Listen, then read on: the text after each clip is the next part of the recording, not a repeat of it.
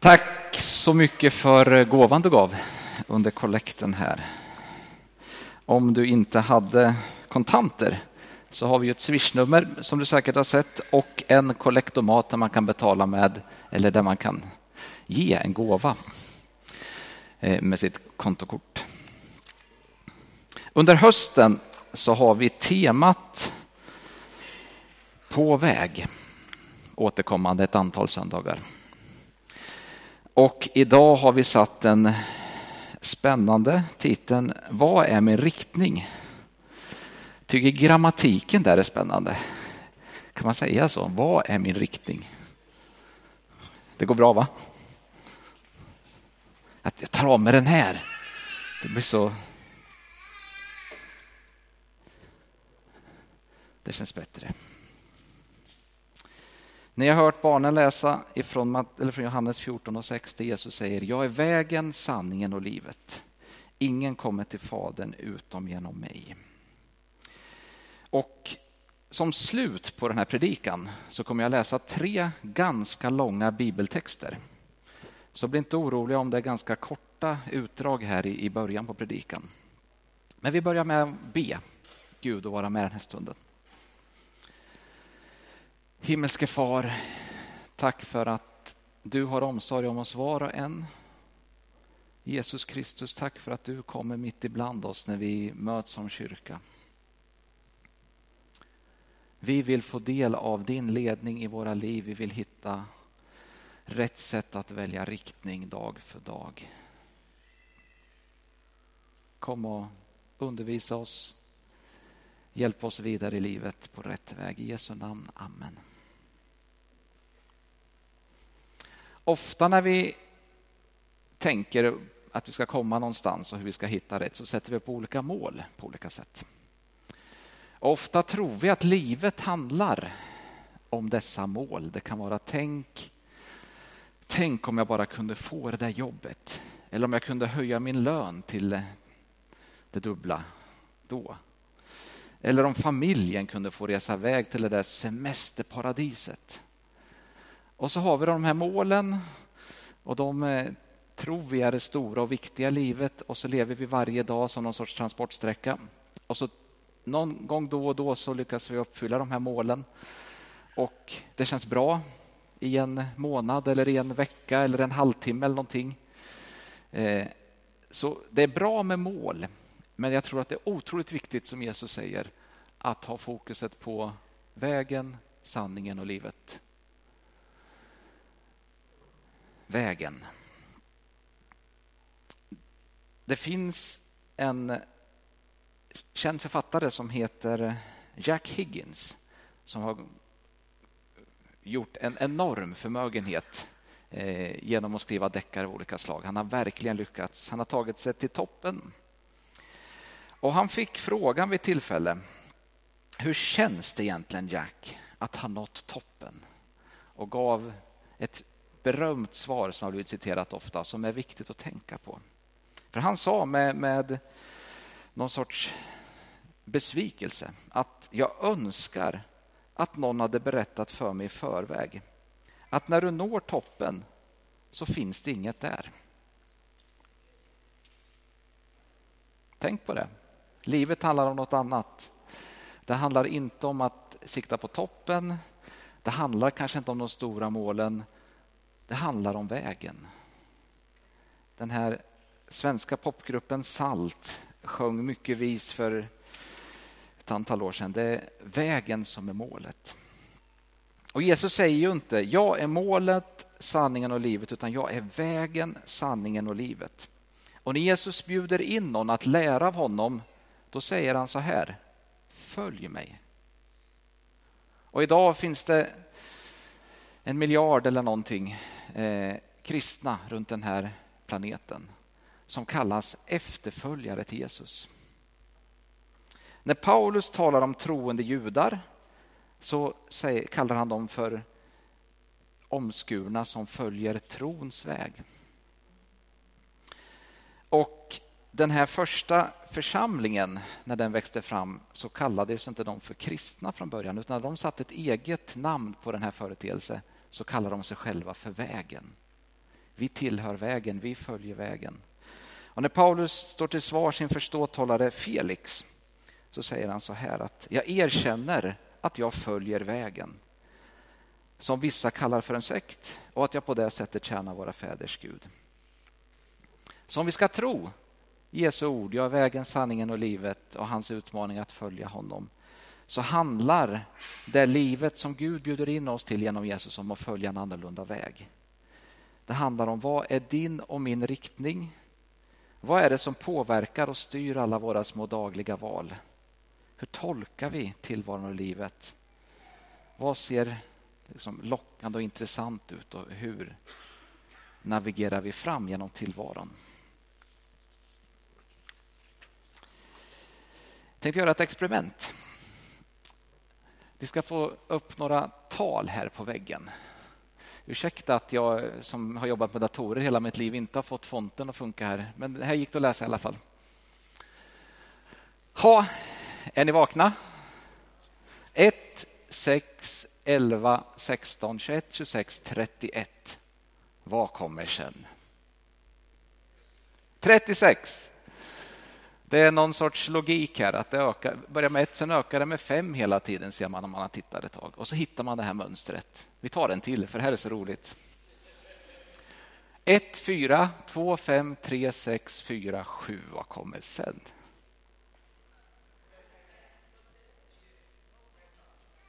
Fem? Ja, det tycker jag med. Det finns kanske fler rätt svar, men ett sätt att se det här är att var, varannat tal här ökar. 1, 2, 3, 4, 5 skulle det bli då. Varannat tal 4, 5, 6, 7. Eller också är det plus 3 minus 2 plus 3 minus 2 eller något. Ja, bra. Lite svårare. 0, 1, 1, 2, 3, 5, 8, 13, 21, 34. Vad kommer sen? 55! Det var, och se ungdomar som räcker upp handen, det, var, det glädjer en matematikers hjärta. Det här kallar jag för Fibonaccis talserie och det är hela tiden summan av de två föregående talen. 0 och 1 är 1, 1 och 1 är 2, 1 och 2 är 3, 2 och 3 5 och så vidare. Alltså 21 och 34 är 55. Vi hoppar över på bokstäver. Om det står så här. J-A-G, mellanslag, Ä-L-S-K-A-R, mellanslag, D-I, vad kan det bli för bokstav sen? X. Det blir G. Sådana mönster har vi lätt att se också. Vi tar en till mönstergrej här. Då. Det här är en, en kurva eller en graf som börjar i januari på 87 kilo och går väldigt rakt neråt där. Vad, vad ser rimligt ut att det blir i oktober?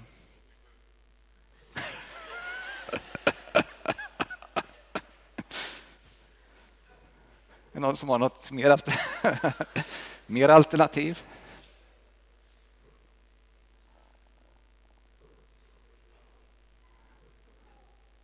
Sjuttioåtta ser det ut som, va? Alltså, vi har en otrolig förmåga att känna igen mönster. Vi är gjorda på det sättet, vi letar mönster hela tiden och det är väldigt mycket vårt mönster i igenkänningsbeteende som gör att vi fattar beslut och fäl, fäll, väljer riktning. Så det har väldigt stor betydelse vad vi ser, vilka mönster vi känner igen och hur vi tolkar tillvaron, alltså vilken logik som styr våra liv.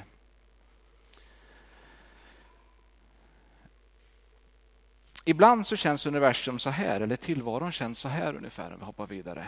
71, 6, 2 minus 48 minus 213, 9.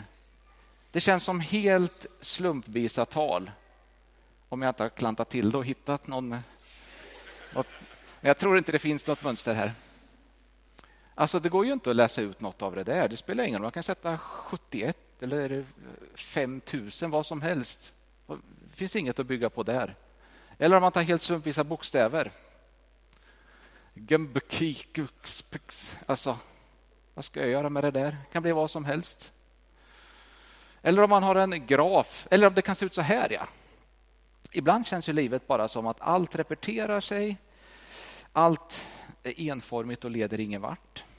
Det, då är det ingen idé att utveckla någonting annat. Det är bara att köra på. liksom. Och en graf kan se ut så här. Och det här är min riktiga viktkurva då, från januari framåt. Ja. Det var fantastiskt bra gissat av Anders. Eh, som man kan ana här så tänker jag lite till och från att det vore kanske bra att gå ner några kilo. Men det går inte så bra. Hade man gjort några år bakåt hade det varit ganska lika. tror jag. Ja, men jag kanske ska gå ner lite. Nej, upp igen. Ner, upp. Jojo-bantning kallas det för. Och jag bantar inte ens, liksom, utan det här blir så här ändå. Liksom, bara. Jag ska nog försöka äta lite bättre, nyttigare. Och med, upp igen. Tänk om jag hade haft den här riktningen som jag visade från början. Kan du ta nästa bild? Där. Alltså det här är ett ynka kilo i månaden som man går ner. Så om, jag hade, om jag hade hittat en bättre riktning, en bättre vana i mitt liv, ändrat någon liten grej, hållit fast vid den, då hade jag ju varit nere på alltså, eh, snygga skjortorna nu. Och det här, alltså, när vi pratar om riktning så är det, tror jag vi nästan alltid gör den här felet. Om vi ska ändra något i våra liv så gör vi någon sån här jättesatsning och tror att det är då det händer. Och det blir bara jojobantning av alltihopa. Så en otroligt viktig princip vad det gäller att hitta riktning i livet så är det de här små grejerna som man kan hålla fast vid. Tänk om tio år hur ditt liv kan se olika ut på bara på en grads skillnad idag. Det är superviktigt. Men det är så här som den övre kurvan, alltså universum och tillvaron känns ofta ganska slumpmässig, kaosartad, svår. Händer massa tråkiga saker. En tromb kan förstöra ditt hus. En fiende fäller bomber över din by. Det är en tuff sjukdom som tar livet av, av någon som, som du har nära. Du förlorar ditt jobb. Någon du älskar sviker dig och krossar ditt hjärta eller din bästa vän bedrar dig och lurar dig på något sätt. Och Det går ju inte att tolka det här mönstret och göra någonting av det. Det blir, det blir bara liksom hopplöst och kaos. Men finns det? Finns det något mönster? Finns det någon logik? Finns det någonting som vi ser om vi tittar riktigt noga som vi kan följa, som kan få vara där som, som trots all kaos och logik som finns i världen kan hjälpa oss att hitta en rätt riktning i våra liv. Vi läser inledningen på första Johannes evangelium. Där det står att i begynnelsen fanns ordet och ordet fanns hos Gud och ordet var Gud. Det fanns i begynnelsen hos Gud. Allt blev till genom det och utan det blev ingenting till av allt som finns till. Och lite längre fram står det att ordet blev människa och bodde bland oss och vi såg hans härlighet.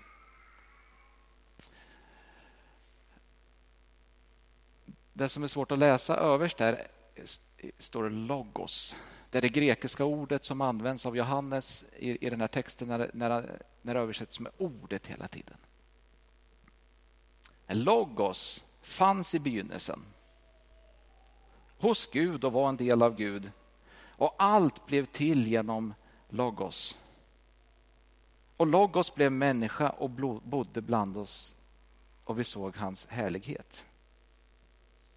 Ofta översätts logos med ord, ordet ord. Men det är ett väldigt spännande ord, logos. Alltså vad ligger i själva liksom totalbilden av logos? Samma ord återkommer i, i låneord som biologi, antropologi, psykologi i slutet där. Det betyder logo, läran om. Orden om eller läran om, förståelsen av, förnuftet kring. Och om man slår upp det svenska ordet logik eller logisk i en svensk ordbok eller som här då på Victionary. så står det så här att logik har funnits i svenskan sedan 1636. Och tittar man bakåt så kommer det från latinska ordet logica och tidigare så kommer det från grekiskan. Och jag vet inte hur det här uttalas riktigt, men det är typ logikon eh, som en feminin form av logikos. Och ytterst kommer det från logos, ord och förnuft. Det här är liksom det som ligger någonstans inbakat i, i eh, logos. eh, används även något jättelikt ord när man talar om att kalkylera och beräkna saker i samma roter. Så det som står här egentligen, alltså det Johannes påstår när han säger att i begynnelsen fanns ordet, ordet fanns hos Gud och allt blev till genom det. Så tycker jag att han påstår att Gud, när han skapar universum, så talar han eller skriver han in i universum sin logik. Sin mening, sitt mönster in i vårt universum.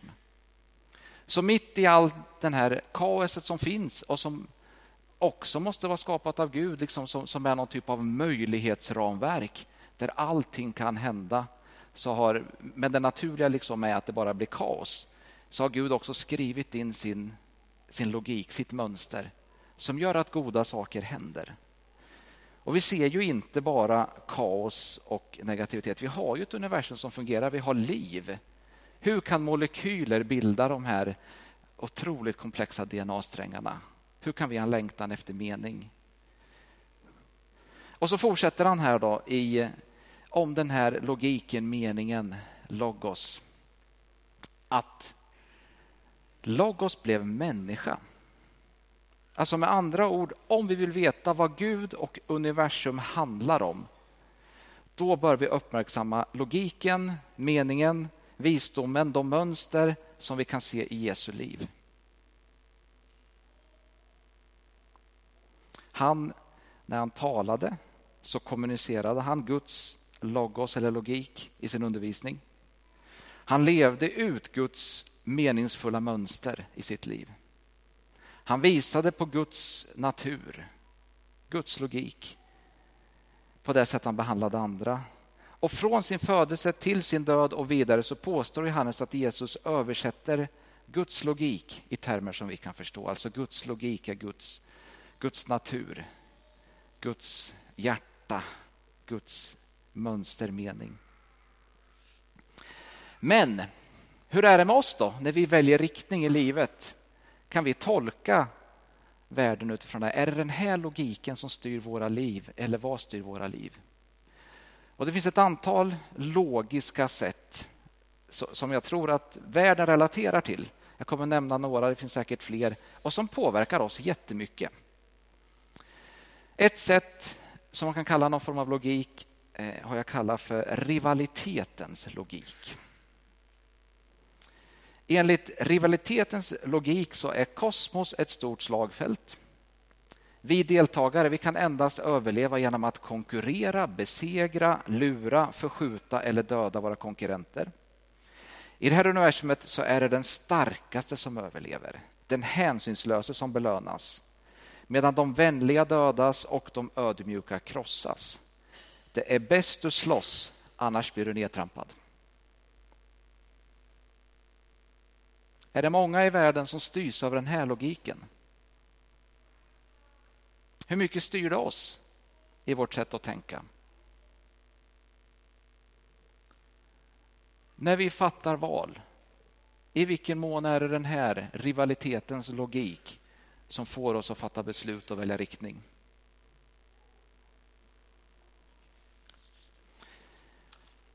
Ett annat sätt att resonera har jag kallat för foglighetens logik.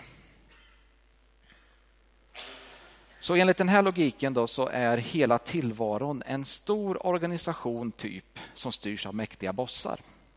Ditt jobb är att lära dig reglerna och följa dem. Bo på din tilldelade plats, gör vad du blir tillsagd. Smöra gärna för maktens inre krets. Om du fjäskar med dem så kommer foglighetens logik att arbeta till din fördel. Det är bäst du spelar säkert, annars får du problem, säger den här logiken. Känner ni någon?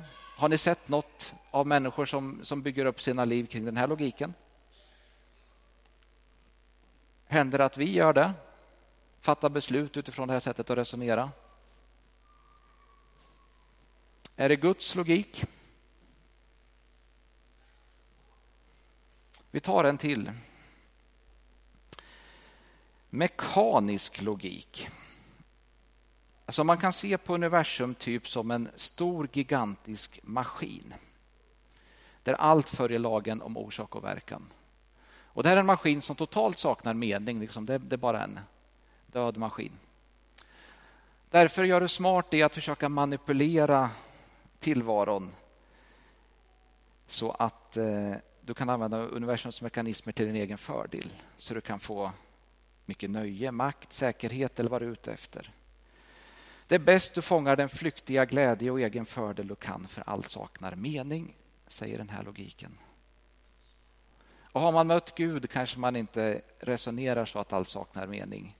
Men det är ändå lätt att tänka i orsak och verkan. Och väldigt många som, som följer den här logiken när de väljer riktning och väg i sitt liv. Hur är den här logos-logiken då?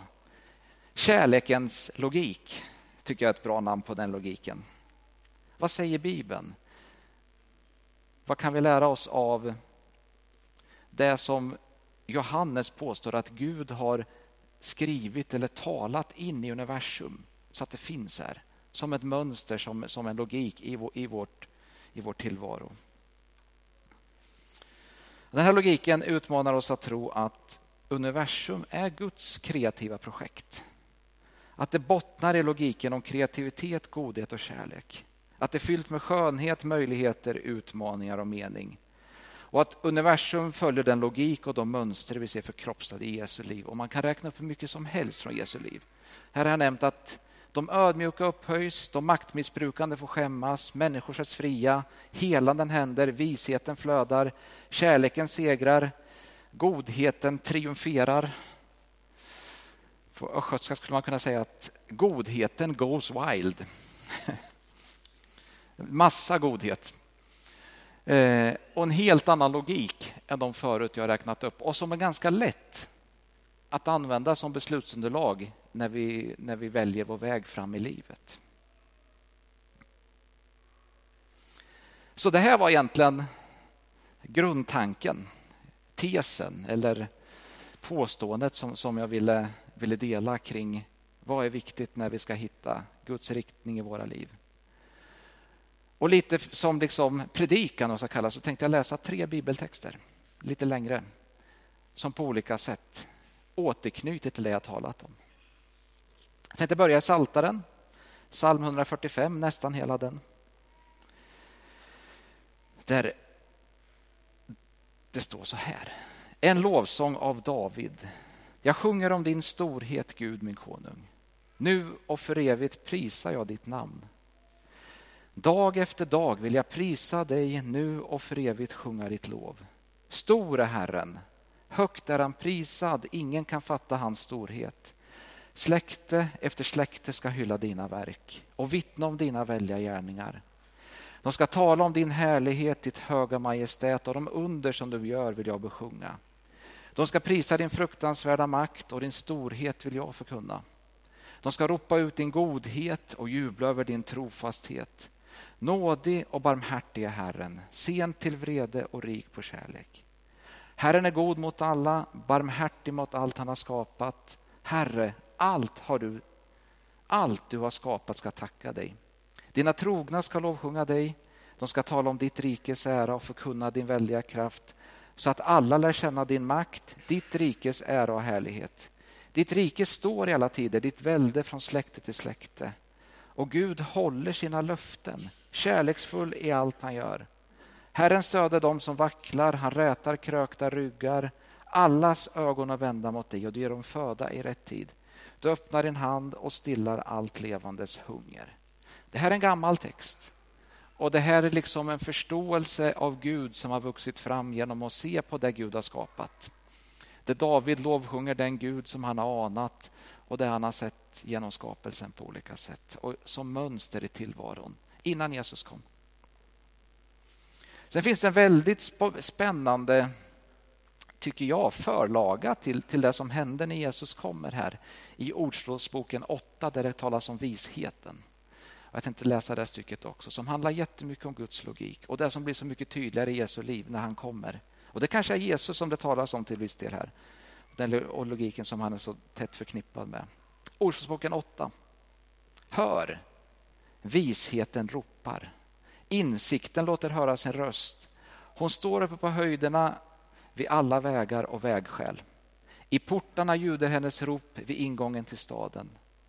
Människor, jag ropar till er. Jag vänder mig till alla och en var. Ni oerfarna, förvärva klokhet. Ni dåraktiga, förvärva förstånd. Lyssna, till det jag säger är rätt. Sanna ord kommer över mina läppar. Min mun säger sanningen, mina läppar skyr det onda. Alla mina ord är rättfärdiga, i dem finns inget falskt eller förvänt. De övertygar den insiktsfulle. Den som nått kunskap vet att de är riktiga. Ta emot min fostran hellre än silver, kunskap hellre än rent guld. Ty visheten är mer värd än pärlor, inga skatter går upp emot henne. Ja, visheten är granne med klokheten, hos mig finns kunskap och omdöme. Att frukta Herren är att hata det onda. Jag hatar högfärd och övermod, säger visheten, onda handlingar och falska ord. Jag ger råd och skänker framgång, hos mig finns insikt, hos mig finns kraft. Genom mig regerar kungar och skipar, skippar härskare rätt. Genom mig härskar furstar och stormän, alla som styr rättfärdigt. Jag älskar dem som älskar mig och de som söker mig ska finna mig. Hos mig finns rikedom och ära, varaktigt välstånd och framgång. Mina gåvor är bättre än finaste guld, mina frukter för mer än rent silver. Jag går de rättas vägar, rättfärdigen stigar. Jag lönar rikt dem som älskar mig och jag fyller deras förråd. Herren skapade mig som det första, som begynnelsen av sitt verk för länge sedan. I urtiden formades jag, i begynnelsen innan jorden fanns till. Innan djupen blev till föddes jag, när det ännu inte fanns källor med vatten. Innan bergen fått sin grund, innan höjderna fanns föddes jag. När han ännu inte gjort land och fält eller mull som täcker jorden, när han spände upp himlen, då var jag där. När han välde dess kupa över djupet, när han fyllde molnen där uppe med kraft och lät djupets källor bryta fram. När han satte en gräns för havet och vattnet stannade där han befallt, när han la jordens grundvalar. Då var jag som ett barn hos honom. Jag var hans glädje dag efter dag och lekte ständigt inför honom.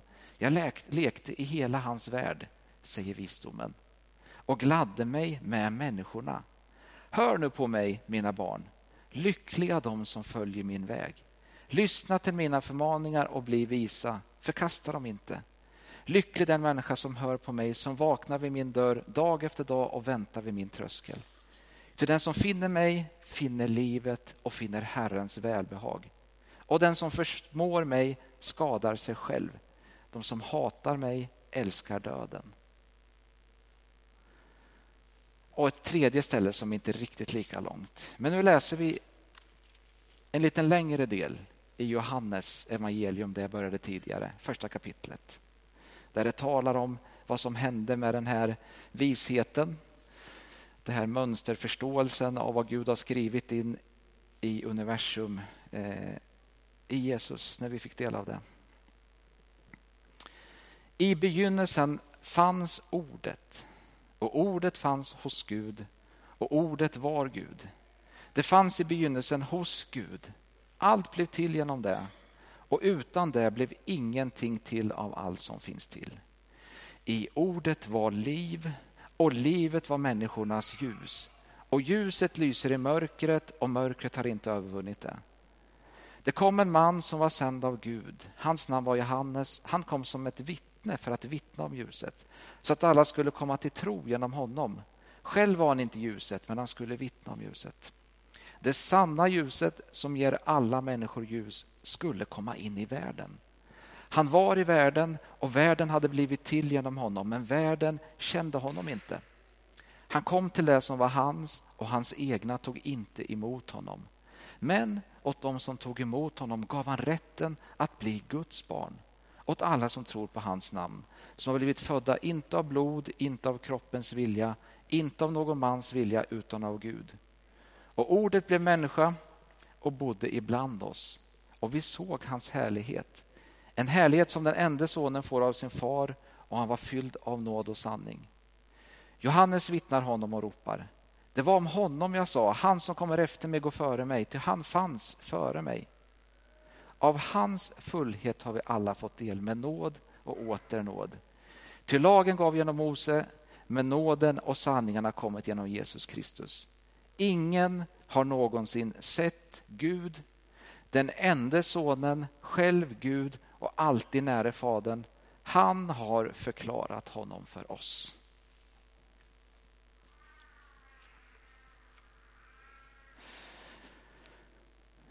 En jättekort sammanfattning av det här. Vilken vishet och logik styr riktningen på ditt liv?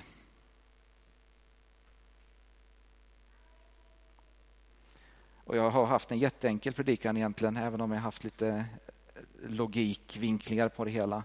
Men att vara kristen handlar om att följa Jesus. Och att låta sig påverkas kontinuerligt av Jesu undervisning och det exempel han satte genom sitt liv, det är att följa Jesus. Jag vet inte hur ni har haft det, men när jag växte upp i den frikyrkliga vänskapskrets jag byggde upp, de predikanter jag lyssnade på mest, de böcker jag läste mest. Där var det väldigt mycket fokus på Paulus, väldigt mycket fokus på, på vissa profeter i Gamla Testamentet. Och klart att det var någon sorts fokus på Jesus. Men hela, hela evangelierna och berättelsen kring Jesus vart lite av en bakgrundsberättelse kring det här järva och vassa och viktiga som Paulus lyfte fram. Och det tror jag var väldigt, väldigt synd. Att, det, att man lät det hamna i bakgrunden. För jag tror att det finns ingenting som lyser lika starkt och lika viktigt som evangelierna, som det vi kan se om Jesu liv, av hans undervisning, hans liknelser, hans exempel. Jag tror inte det finns någonting i hela universum som liksom är lika koncentrerat och lika viktigt att lära av. Och de, det är mycket bättre att använda allt annat i Bibeln som en bakgrundsberättelse och utveckling eller vad ska man säga, olika vinklar på det här. Men det som ska lysa starkast, det vi måste få tag i, det som betyder någonting, det som är riktigt, riktigt, riktigt förvandlande, tror jag är att låta sig påverkas av det vi kan läsa i evangelierna. Och Det kan låta teoretiskt när man pratar om det som jag gjort idag. Predikningar är nästan alltid teoretiska. Men jag skulle vilja påstå att det vi pratat om idag, det handlar om liv och död. Världen brinner för att det är fel sätt att tänka som påverkar hur, vilka beslut som fattas. Och Det påverkar våra liv i allra högsta grad. Det bästa sättet att klanta till sitt liv och hamna i ångest och dåliga relationer det är att missa den här fantastiska vägledningen vi kan få genom genom det Jesus har visat om hur universum fungerar egentligen. Jag har tagit med mig ett tips ifrån församlingshelgen att, att sluta predikan med att skicka något samtalstips.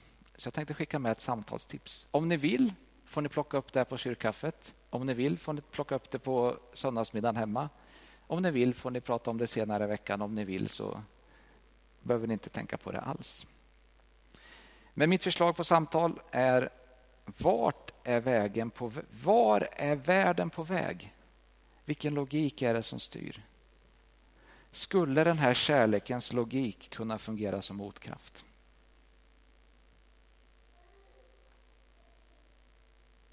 Himmelske far, jag ber för oss alla här. Jag ber för vår värld som står i brand. Jag står för alla, ber för alla situationer som vi har krånglat till på olika sätt som, som har där beslut har fattats utifrån tokiga premisser och där, där, där, vi har, eh, där inte saker funkar. Tack för att du vill lära oss och vägleda oss och anstränger dig så oerhört djupt. Både genom det som hänt i historien och din fortsatta engagemang i våra liv, Gud. Hjälp oss att hitta den här riktningen, att hitta den här vägen i våra liv som är bra för oss, som är bra för den här världen. Som följer liksom den logik, som, som det mönster, den mening som du har skrivit in i den här världen. I Jesu namn, Amen. Nu toppar vi den här predikan med en sång av min vackra hustru tänkte jag.